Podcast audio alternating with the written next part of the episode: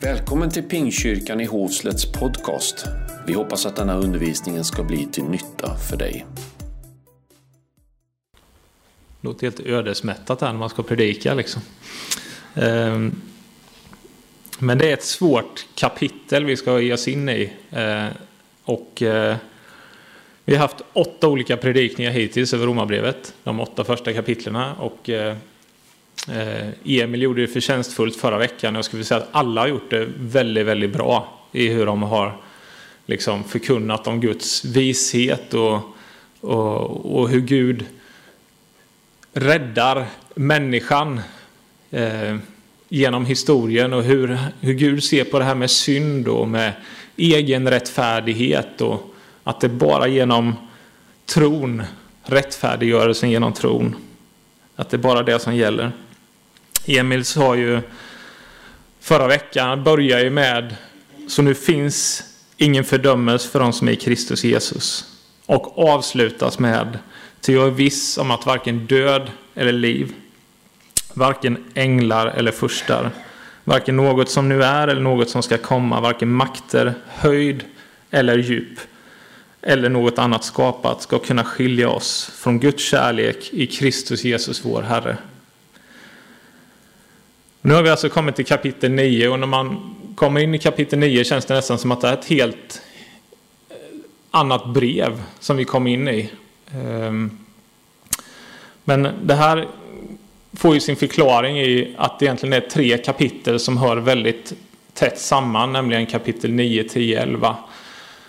Och här i början av kapitel 9 så ger sig Paulus in eh, alltså i sina egna känslor i detta. Alltså hur han känner och han, här blir han väldigt personlig i de första verserna. Och när jag hade förberett den här predikan så eh, har jag våndats jättemycket över vad jag ska ta upp liksom i detta.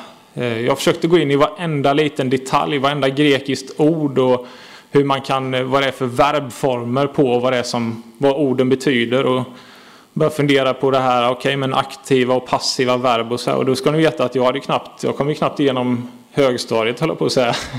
Jag var ju knappt godkänd i grundskolan. Och brottas med grammatiska eh, problem liksom, det får någon annan göra. Så att jag slog en signal i torsdags till vår kära Ulrik Josefsson som är någon slags maestro i det här med teologi. Och, och det var ett, ett bra samtal för att han eh, han gav mig en åthutning och sa vad ska du in och trassla med de grejerna för? Det är ingen som blir klokare av det liksom. Så det slutade med att på torsdagskvällen så slängde jag ju hela mitt utkast som jag hade förberett och fick börja om från scratch då. Och nu är vi här.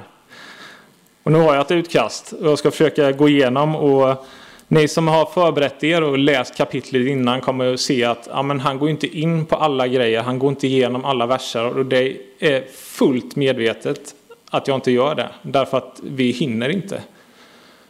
Utan det som jag ska försöka göra är att få någon slags ovanifrån perspektiv. Att vad är det han vill säga i detta kapitlet? Vad är det som är viktigt för Paulus att säga? Och sen så att vi förhoppningsvis får lite rätsida på det, det totala greppet han tar när vi har gått igenom alla de här tre kapitlerna 9, 10, 11. Det är ju som vi har sagt innan att det är mycket i Romarbrevet som handlar om, om den här spänningen mellan de hedna kristna i församlingen och de judekristna i församlingen, vad de har med varandra att göra. Judekristna har ju någon slags, de, de kom in i detta som judar med en förförståelse av det gamla testamentet och vad det, vad det handlar om och vad Guds utvalda folk och så vidare. Och sen helt plötsligt så är det människor här som inte alls kommer ifrån Abraham som helt plötsligt säger sig ja men vi tror på Jesus, den här Messias också liksom, och vi tillhör honom också.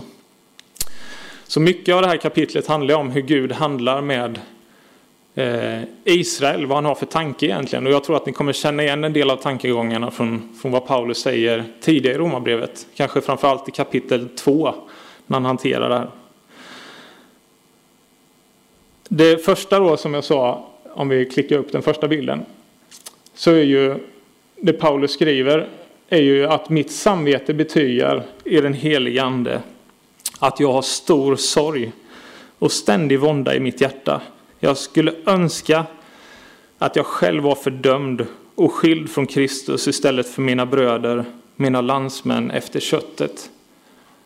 Det här är ju en oerhört drastisk eh, kärleksförklaring Paulus gör till sina judiska liksom, landsmän.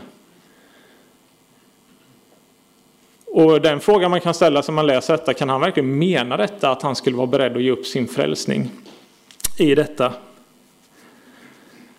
Det här är ju liksom en, en gudomlig kärlek och vi kan ju se den kärleken i hur Jesus gör för mänskligheten. Att han är beredd att ge upp sitt, sin härlighet och sin ära och dö, att bli fördömd för, de, för vår skull, för oss som inte förtjänar det.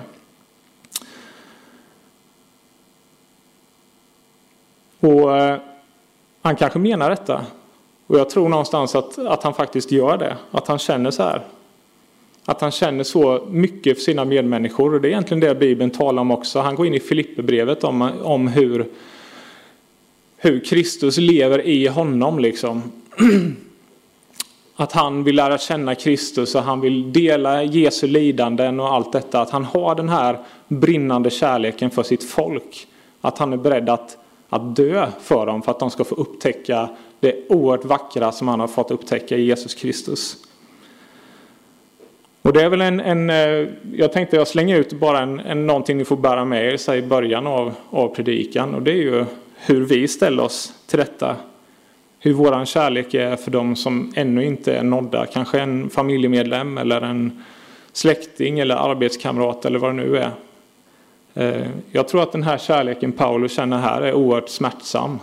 Men jag tror att, att det är också en, en otroligt vacker kärlek och någonting som Gud vill hjälpa oss att känna nöd för människor i vår närhet. Och även utanför vår närhet. Så det kanske är en första uppmaning så i början av predikan att, att faktiskt ta de här verserna på allvar. Inte bara som en introduktion till kapitlet utan att faktiskt få drabba oss. Att längta efter en sådan kärlek för våra medmänniskor kanske känna att det är jobbigt att känna så här. Att uppleva den här kärleken och den här nöden för människor. Men ändå bära med sig den. Om vi går vidare till de andra verserna som kom efter här nu, 4 och 5.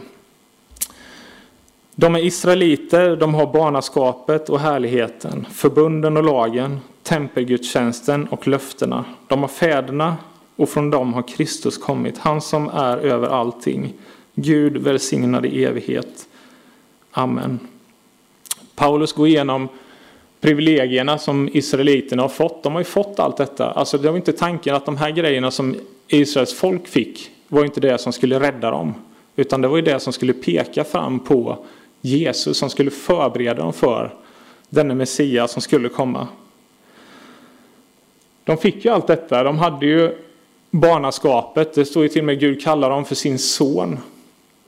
Han eh, det här med härligheten, om hur Gud gick framför dem i öknen. De hade hela tiden möjlighet att se Guds närvaro mitt ibland sig. De hade förbunden genom Abraham och Mose och alla de här olika förbunden i Gamla Testamentet. De fick ju del av de här förbunden. De kunde ju se hur Gud tog sig an dem som folk.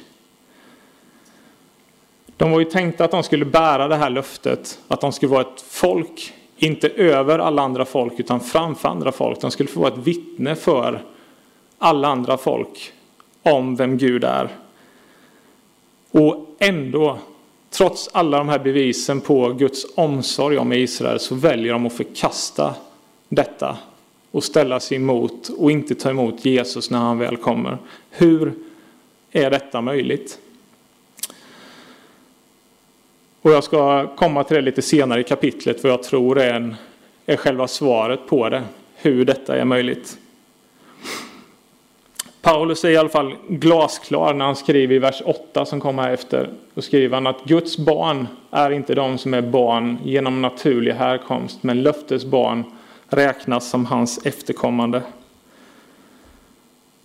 Det är alltså inte de här sakerna får upprepa mig, som var innan med de här löftena och härligheten och tempelgudstjänsten. Det var inte det som var målet, utan Jesus var målet. Att de skulle bli förberedda för Messias. Sedan kommer Paulus och går in på detta exemplet om eh, Rebecka och Isaks två söner. Och i Romarbrevet kapitel 9 försöker Paulus gå till rätta med hur, hur judarna tänker kring sig själva och kring detta med att vara utvald, vad det innebär.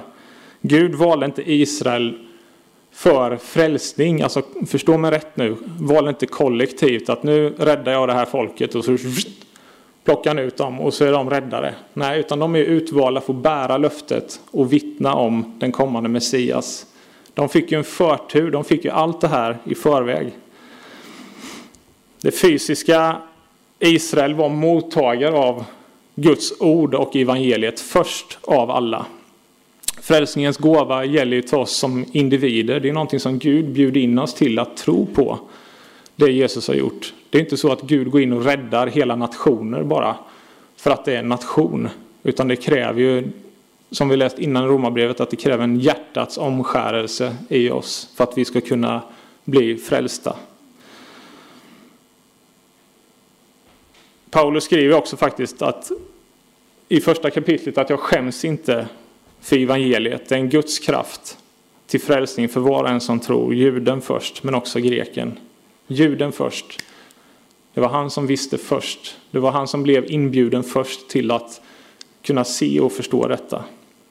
De fick alltså tillgång till evangeliet först av alla. Men vad var det som hände med Jakob och Esau? Och nu har du ingen slide på det, utan jag hade tänkt att jag inte skulle läsa det avsnittet, men nu gör jag det ändå. Eh, vi läser ifrån kapitel 9 då som sagt och från vers 10 till och med vers 13. Där står det så här. Och nu får ni ursäkta mig, jag pratar väldigt fort här, men det får hinna med. Eh, men eh, jag har folkbibeln 98 så, så att jag fular lite här. Jag hade inte 2015 hemma utan jag är, det är en gammal bibel helt enkelt.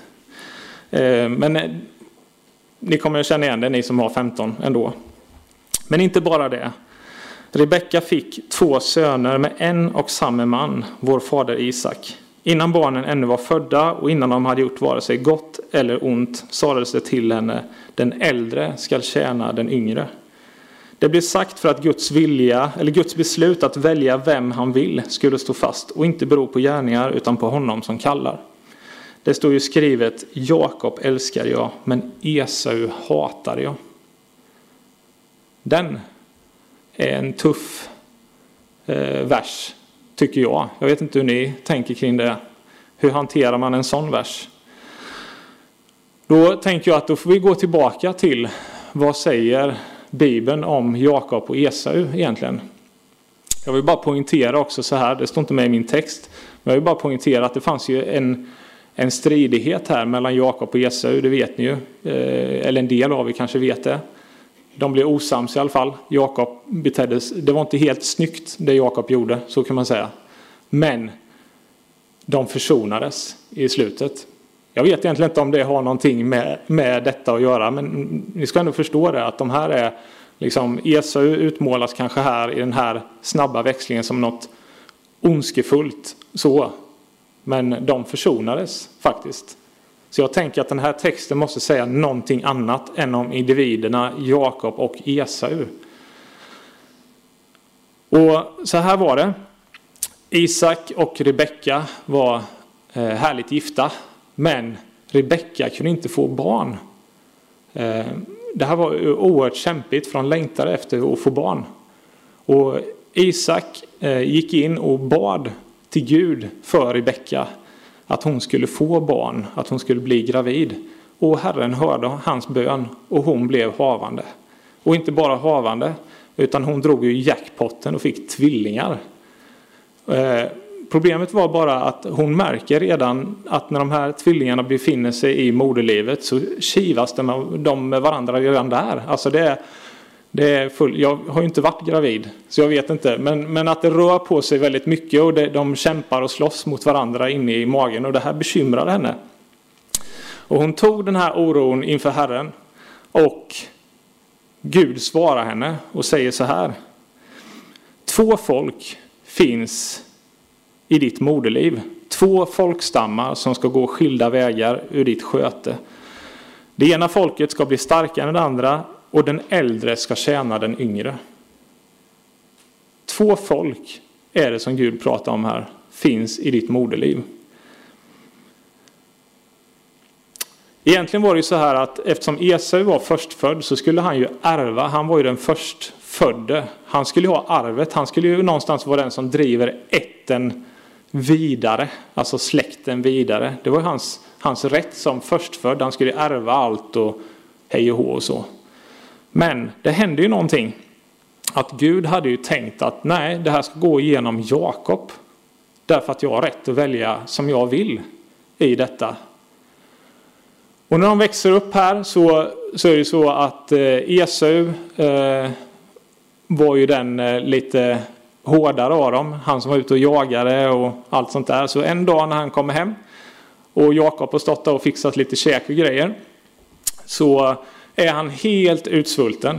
Så han kommer hem och, eh, och är uppenbarligen så hungrig att han är beredd att göra vad som helst. Så att han eh, kommer där och han ser att de håller på med någon gryta här och den här grytan är röd. Och då tänker ni varför är det viktigt att betona att den är röd? Jo, för röd betyder Edom. Och Edom är en nation, alltså de här två släkterna. Så att Esau fick namnet Edom. Eller e-, Esau fick namnet Edom senare då. Men Jakob lyckas få eh, Esau att sälja sin förstfödslorätt för en tallrik med soppa med röd soppa. Så där ger han upp sin förstfödslorätt och inser det senare att det här var ju helt galet varför gjorde jag detta. Men då var saken redan gjord. Det var Jakob som skulle bli välsignad och få föra ätten vidare och inte Esau. När Paulus då, eh, ni kan läsa vidare om detta i första Mosebok 25 om ni är intresserade. Det är, väldigt, det är en rätt spännande historia ändå, eh, i Gamla Testamentet. Så när Paulus citerar det här bibelordet att Jakob älskar jag, men Esau hatar jag. Så är det inte från första Mosebok som han tar detta, utan det är från Malaki. Eh, vi ska se här om vi kan få, jag tror att det bibelordet finns med där. Så här står det i Malaki 1. Jag har älskat er, säger Herren, och ni frågar, hur har du älskat oss? Var inte Esau bror till Jakob, säger Herren. Jakob älskar jag, men Esau hatar jag. Jag gjorde hans berg till en ödemark och gav hans arvedel åt öknens schakaler. Om Edom säger, vi är krossade, men vi ska bygga upp ruinerna igen, så säger Herren Sebaot, de bygger upp, men jag ska riva ner. Det ska kallas gudlöshetens land och folket som Herren är vred på för evigt. Era ögon ska se det och ni ska säga Herren är upphöjd utanför Israels gränser. Vi måste förstå detta med att det här Edom är ju alltså, de var bittra fiender till, till Israel. Och om man förstår och tänker frälsningshistoriskt att Israel var bärare av löftet. Det var, Jesus var ju av Davids stam, Davids ett. Han var ju den som skulle liksom, Jesus skulle komma ur detta folkslag. Och Edom ville på alla sätt förgöra detta folket. Så de stod helt emot det Gud hade tänkt. De var motståndare till Guds plan. Och de var helt skoningslösa mot Israel. Och då ska man ha i åtanke också att Gud säger faktiskt när han kallar Abraham som får vara en av stamfäderna till, till Israel längre fram så, så säger Gud till honom, till Abraham, jag ska välsigna dem som välsignar dig och förbanna den som förbannar dig. I dig skall jordens alla släkten bli välsignade. Så det här att ställa sig som Edom gjorde till motståndare mot Guds folk var ingenting som sågs på med blida ögon ifrån Gud. Som jag sa att Edom var skoningslösa. Det finns eh, berättelser i Bibeln om hur de eh, när Eh, Israel blir tagna till fånga av babylonierna eh, som också går att läsa om i Gamla Testamentet när de hamnar i exil. Då passar Edom på att gå in och plundra Jerusalem. Och vi kan läsa om det i psalm 137 och två verser där. Där står det så här. Herre, kom ihåg Edoms barn på Jerusalems dag, hur de ropade riv ner, ner ända till grunden. Du Babels dotter, dömd till undergång. Salig är den som får vedergälla dig för allt vad du har gjort oss. Det fanns alltså fog för Guds vrede mot det här folket i vad de hade, vilket motstånd de hade emot Guds tankar och Guds plan. När det handlar om individer då så uppmanar Gud oss att vi ska älska, inte bara varandra här, utan vi ska älska våra fiender.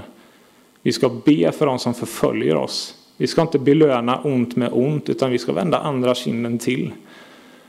Det är ett annat förhållningssätt. Och när man läser de här, vissa bibelställen man läser här kan man få uppfattningen om att det, att det är en helt annan Gud. Men vi måste förstå sammanhanget och bakgrunden och inte bygga en teologi som bara handlar om några versar i ett kapitel. Det kan vara oerhört svårt att göra det. Och jag, jag tycker det här, det här kapitlet är jättesvårt. Alltså det är bara att lyfta på hatten. Det finns grejer i som jag... Pff, jag vet inte.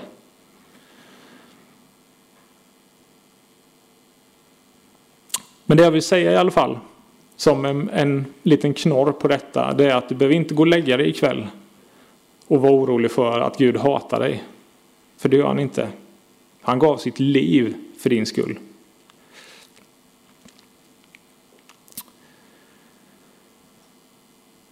Efter detta så i vers 14 så ställer sedan Paulus den uppenbara frågan som kommer efter talet om Jakob, om att Jakob utvaldes men inte Esau. Vad ska vi då säga? Finns det orättfärdighet hos Gud? Svaret kommer direkt. Verkligen inte. Trots att Esau då föddes först så hade Gud valt Jakob. Och varför? Jo, därför att Gud har rätt att välja som han vill med sin skapelse. Makten ligger hos honom. Gud har rätt att välja.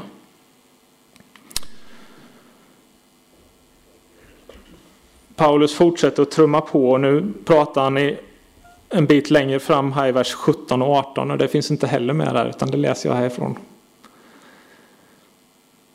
Skriften säger ju till farao, just därför lät jag dig träda fram att jag på dig skulle visa min makt att mitt, och att mitt namn skulle förkunnas över hela jorden.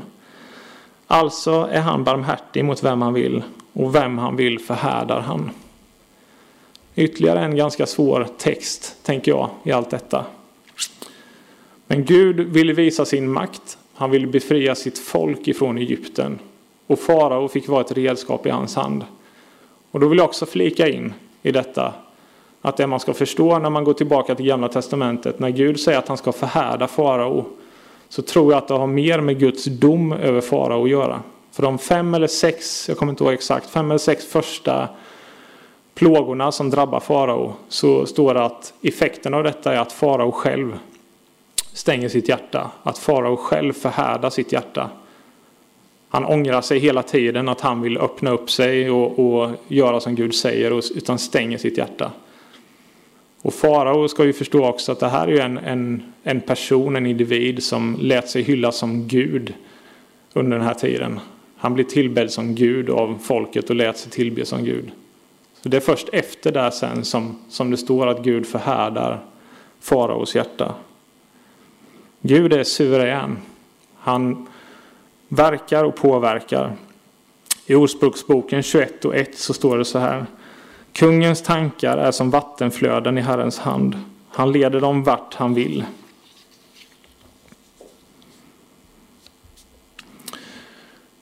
Genom hela det här kapitlet så för Paulus det här resonemanget att det inte är vår härkomst som spelar någon roll. Det är inte vilken familj vi är uppvuxen i. Det är inte om vi är ja, om vi ska försvenska det, om vi är uppvuxna i Svenska kyrkan eller om vi har eh, barndöpta som barn eller vad det är som, som gäller som räddar oss. Eller någonting annat. Det beror inte på stamtavla eller andra yttre omständigheter.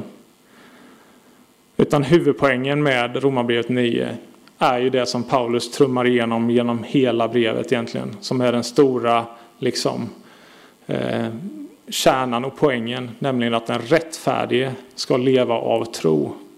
Tro är ingenting som du presterar fram, utan tro är någonting som du sätter till någon som är din rättfärdighet, nämligen Jesus Kristus. Det är han vi har att, att, att skryta över. Det är inte vår släkttavla eller vad vi har varit med om. Och detsamma gäller för det judiska folket.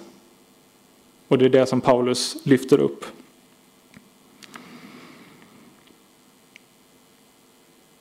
Så Paulus fortsätter här i de kommande verserna. Han pratar om att återigen om att ja, men det var ju tänkt, ni var bärare av löftet. Ni fick detta, allt detta, men ni måste förstå att Gud hade en större plan med detta. Det är alltså inte orättvist att hedningarna fick ta del av detta, av detta fantastiska och få bli inbjudna till att bli en del av Guds folk. Och jag kommer att tänka på en liknelse som vi ska läsa ifrån Matteus evangeliet. Kapitel 20.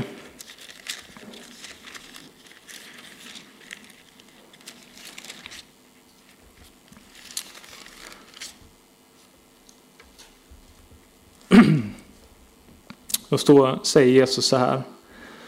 Till himmelriket är likt en husbonde som tidigt på morgonen jag kanske ska läsa därifrån. Så att himmelriket är som en husbonde som gick ut tidigt på morgonen för att leja arbetare till sin vingård. Han kom överens med dem om en dagslön på en denar och skickade dem till sin vingård. I tredje timmen gick han ut och såg några andra stå sysslolösa på torget. Han sa till dem, gå till vingården ni också. Jag ska ge er en rättvis lön. Och de gick.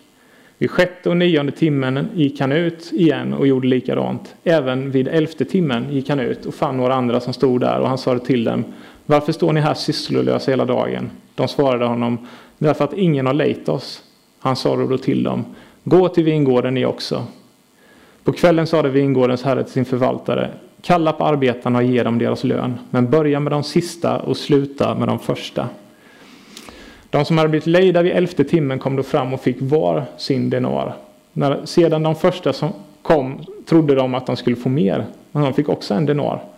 När de fick den klagade de på husbonden och sa De där som kom sist har arbetat en enda timme och du har jämställt dem med oss som stått ut med dagens slit och hetta. Han svarade en av dem Min vän, jag är inte orättvis mot dig. Var du inte överens med mig om en denar? Ta det som är ditt och gå. Men jag vill ge den siste lika mycket som jag gav dig. Får jag inte göra som jag vill med det som är mitt? Eller ser du med onda ögon på att jag är god? Så ska de sista bli de första och de första bli de sista. Ser du med onda ögon på att jag är god, så ska de sista bli de första och de första bli de sista. Om vi nu återvänder då till Romarbrevet 9 så ska vi se att det finns en, tycker jag, en stark koppling mellan det Paulus vill säga eh, med det här med Jesu liknelse. Så jag hoppar en bit framåt här och nu ska ni veta det att det är flera verser här som jag inte ens kommer beröra därför att som sagt vi hinner inte. Utan jag försöker ta huvudpoängen med vad vill Paulus säga i detta kapitel. Så hoppar vi till vers 24 i Romarbrevet 9 så och eh, 24 och framåt och så hoppar vi till vers 25 så citerar Paulus profeten Hosea i två verser. De som inte var mitt folk ska jag kalla mitt folk och den oälskade ska jag kalla min älskare och på platsen där det sades till dem ni är inte mitt folk ska de kallas den levande Gudens barn. Den första ska bli den sista och den sista ska bli den första. Alltså de som inte från början var utvalda tog emot evangeliet. Alltså de öppnade sina hjärtan därför att de första Israels folk vägrade att göra det. Däremot så står det i Bibeln att bara en rest av Israel ska bli frälst när Gud kommer hålla räkenskap på jorden. Och varför denna utgång? Varför blev det så här? För Israels folk. Paulus tar upp det i nästa stycke i verserna 30 till 33. Vad ska vi då säga? Jo, att hedningarna som inte strävar efter rättfärdighet vann rättfärdighet, den rättfärdighet som kommer av tro. Israel däremot som strävar efter en lag som ger rättfärdighet har inte nått fram till den lagen. Varför? för att de inte sökte rättfärdigheten genom tro utan genom gärningar. De snubblar på stötestenen så som det står skrivet. Se, jag lägger i Sion en stötesten och en klippa till fall, men den som tror på honom ska inte stå där med skam. Är det då kört för judarna, för Israels folk? Är det så att det är över för deras skull? Är hoppet ute? Nej. Tålamod är en fantastiskt bra egenskap. Och jag är övertygad om att Herren inte har övergivit Israel. Det finns mycket löften kvar att uppfylla för det folket. Paulus talar själv, som vi läste i början, om den här enorma nöden han har i sitt hjärta för Israels folk och att han önskar att han skulle skapa att det här med att evangeliet går till hedningarna, att det ska väcka avund hos judarna.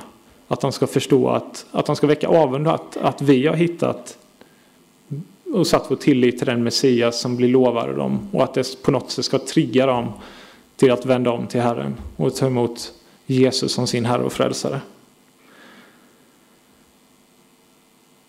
Dörren är inte stängd. Om vi gör en liten fuling och hoppar in i kapitel 11 så skriver Paulus om sina landsmän. När, de gäller, när det gäller evangeliet är de fiender för er skull. Men när det gäller utkårelsen är de älskade för fädernas skull. För Gud ångrar inte sina gåvor eller sin kallelse. Det är inte slutet. Gud har sista ordet. Vad kan vi då lära av allt detta? Eh, mer än att man inser att, att Gud är mycket större och visare och svårare att förstå än vad jag kan förstå. Jag skulle vilja säga att vi kan förstå med våra begränsade förstånd. En lärdom tror jag är att inte se någonting, någon som ett hopplöst fall.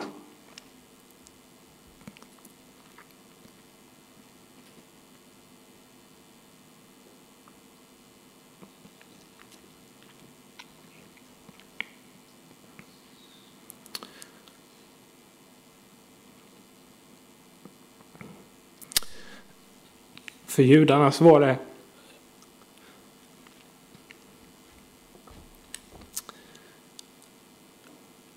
Det var helt otänkbart för dem att tänka sig att de här smutsiga hedningarna skulle innefattas i Guds plan för frälsning. Och det gjorde att de förlitas mycket mer till sin egen självrättfärdighet. Att de minsann hade löftena. De hade allt detta. De hade lagen och profeterna och visste precis hur man skulle göra. Och så missar de målet. Och en fråga till oss är hur öppna är vi som församling för människor som inte ser ut som oss eller beter sig som oss?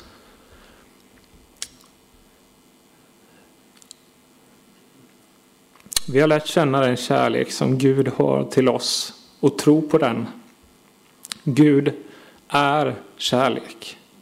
Den som förblir i kärleken förblir i Gud och Gud förblir i honom.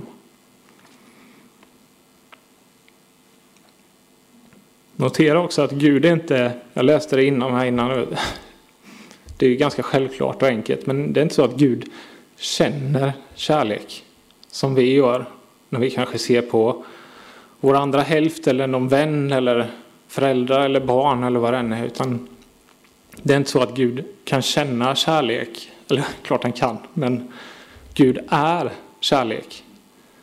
Det är en ganska stor skillnad. Det står inte liksom att Gud är vrede i Bibeln. Det är inte hans, det är inte hans väsen att han är vrede. Men det är hans väsen att han är kärlek. Tron på Jesus är ingen gärningslära. Guds kallelse till omvändelse i detta trummar Paulus fast också, och det tror jag är en lärdom för oss. Är inte kallelse till en elitistisk liten skara som håller måttet, som är tillräckligt bra eller är tillräckligt fina för att bli godkända. Vi läser Johannes evangeliet 3 och 16. Den tror jag många av er känner igen. Så älskar Gud världen att han utgav sin enfödde son för att var och en som tror på honom inte ska gå förlorad utan ha evigt liv. Gud har inte sänt sin son till världen för att döma världen utan för att världen skulle bli frälst genom honom. Det är något vi behöver vaka över, både enskilt och som individ. Vi får inte nåd för att vi förtjänar, utan vi får nåd därför att det är Gud som ger den till oss, för att han älskar oss på grund av vem han är.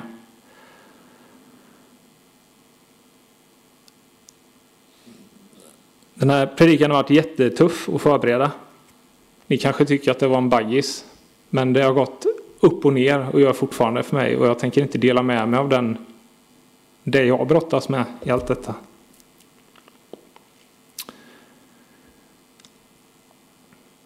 Men det jag, min längtan är för egen del, det är att mitt hjärta ska få vara fyllt mer med kärlek, mer med Jesus. Vi förstår inte alltid hans vägar och hans tankar med oss. Det blir så uppenbart för mig när jag läser kapitlet att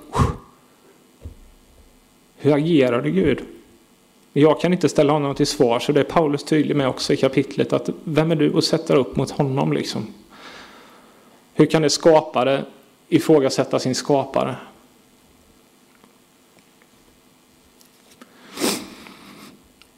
Paulus förstod inte heller Guds vägar och jag vill bara flika in ett bibelord ifrån Romarbrevet 11. När Paulus väl har gått igenom allt detta, de här tre kapitlerna, så kommer en lovsång ifrån Paulus. Den finns inte heller med. Då säger Paulus så här, då brister han ut i ett, och vilket djup av rikedom och vishet och kunskap hos Gud. Hur outgrundliga är inte hans domar och hur outrannsakliga är inte hans vägar. Vem har lärt känna Herrens sinne eller vem har varit hans rådgivare? Eller vem har först givit honom något som han måste betala igen? Av honom, genom honom och till honom är allting. Honom tillhör äran i evigheter. Amen. Jag vill avsluta det här nu med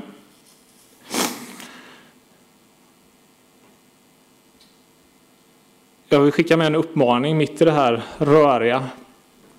Att vi får inte tro att Gud är någonting mindre än kärlek. Och att han inte skulle vilja oss väl. För det vill han. Faderns armar är fortfarande öppna för oss. Ett avslutande bibelord från andra Petrusbrevet.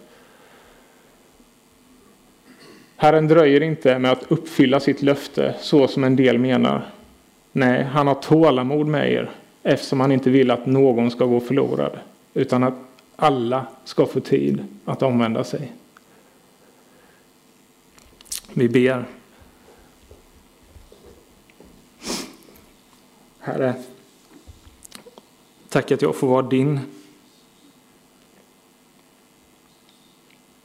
Jag har ingenting att skryta med i mig själv.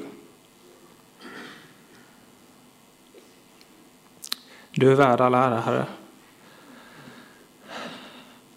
Jag ber att vi som din kropp, dina barn, ska mer få likna dig. Inte vara en spegling av den här världen, Herre, utan älska så som du har älskat oss.